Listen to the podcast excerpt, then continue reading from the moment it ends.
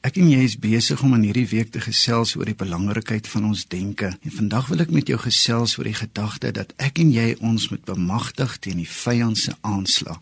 Hoekom sê ek dit so? Kom ons keer terug na ons teksvers. Spreuke 4 vers 23 vanuit die 1983 vertaling sê dit soos volg: 'n Mens moet versigtig omgaan met dit wat in jou hart is, want dit wat in jou hart is, bepaal jou hele lewe. 'n Mens kan eintlik net bereik op grond van dit wat in jou hart is. Nou die vyand se werk is om my en jou te mislei. As hy ons mislei, weet hy dat ek en jy kan nie vry leef soos God dit vir ons bestem nie. As die vyand jou denke beheer, dan weet hy ook hy gaan jou lewe beheer. Jesus waarsku die mense daar in Johannes 8 en hy sê die jou vyand, die duiwel, is iemand wat mense net wil doodmaak en boonop is hy die vader van die leuen. Paulus kom en hy sê ons is nie met die planne van die vyand onbekend nie. Hy sê dit daar in 2 Korintiërs 2 vanaf vers 11. Kom wees dus op jou hoede want die vyand wil my en jou denke vandag besoedel. As hy dit reg kry om ons denke vandag besoedel, kan God ons mos nie funksioneel gebruik nie. Die Satan wil my en jou angstig en bekommerd maak. Maar hom moet ons deur die geloof in God teëstaan.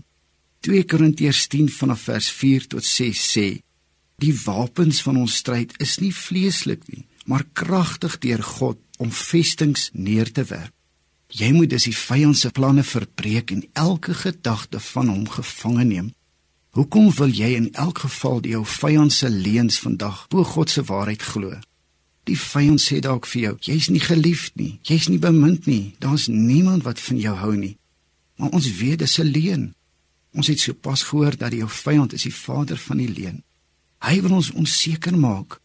Hy wil graag hê dat jy moet so ver as moontlik van God se woord afbly. Kom neem 'n wilsbesluit vandag om God se woord gereeld te lees. Jesus sê in Matteus 6 vers 33 dat ons eers die koninkryk van God en sy geregtigheid moet soek, dan sal al die ander dinge vir ons bygevoeg word. Oor die belangrike ding wat Salomo sê in Spreuke 3. Ek lees vir jou vers 5 tot 8 deur.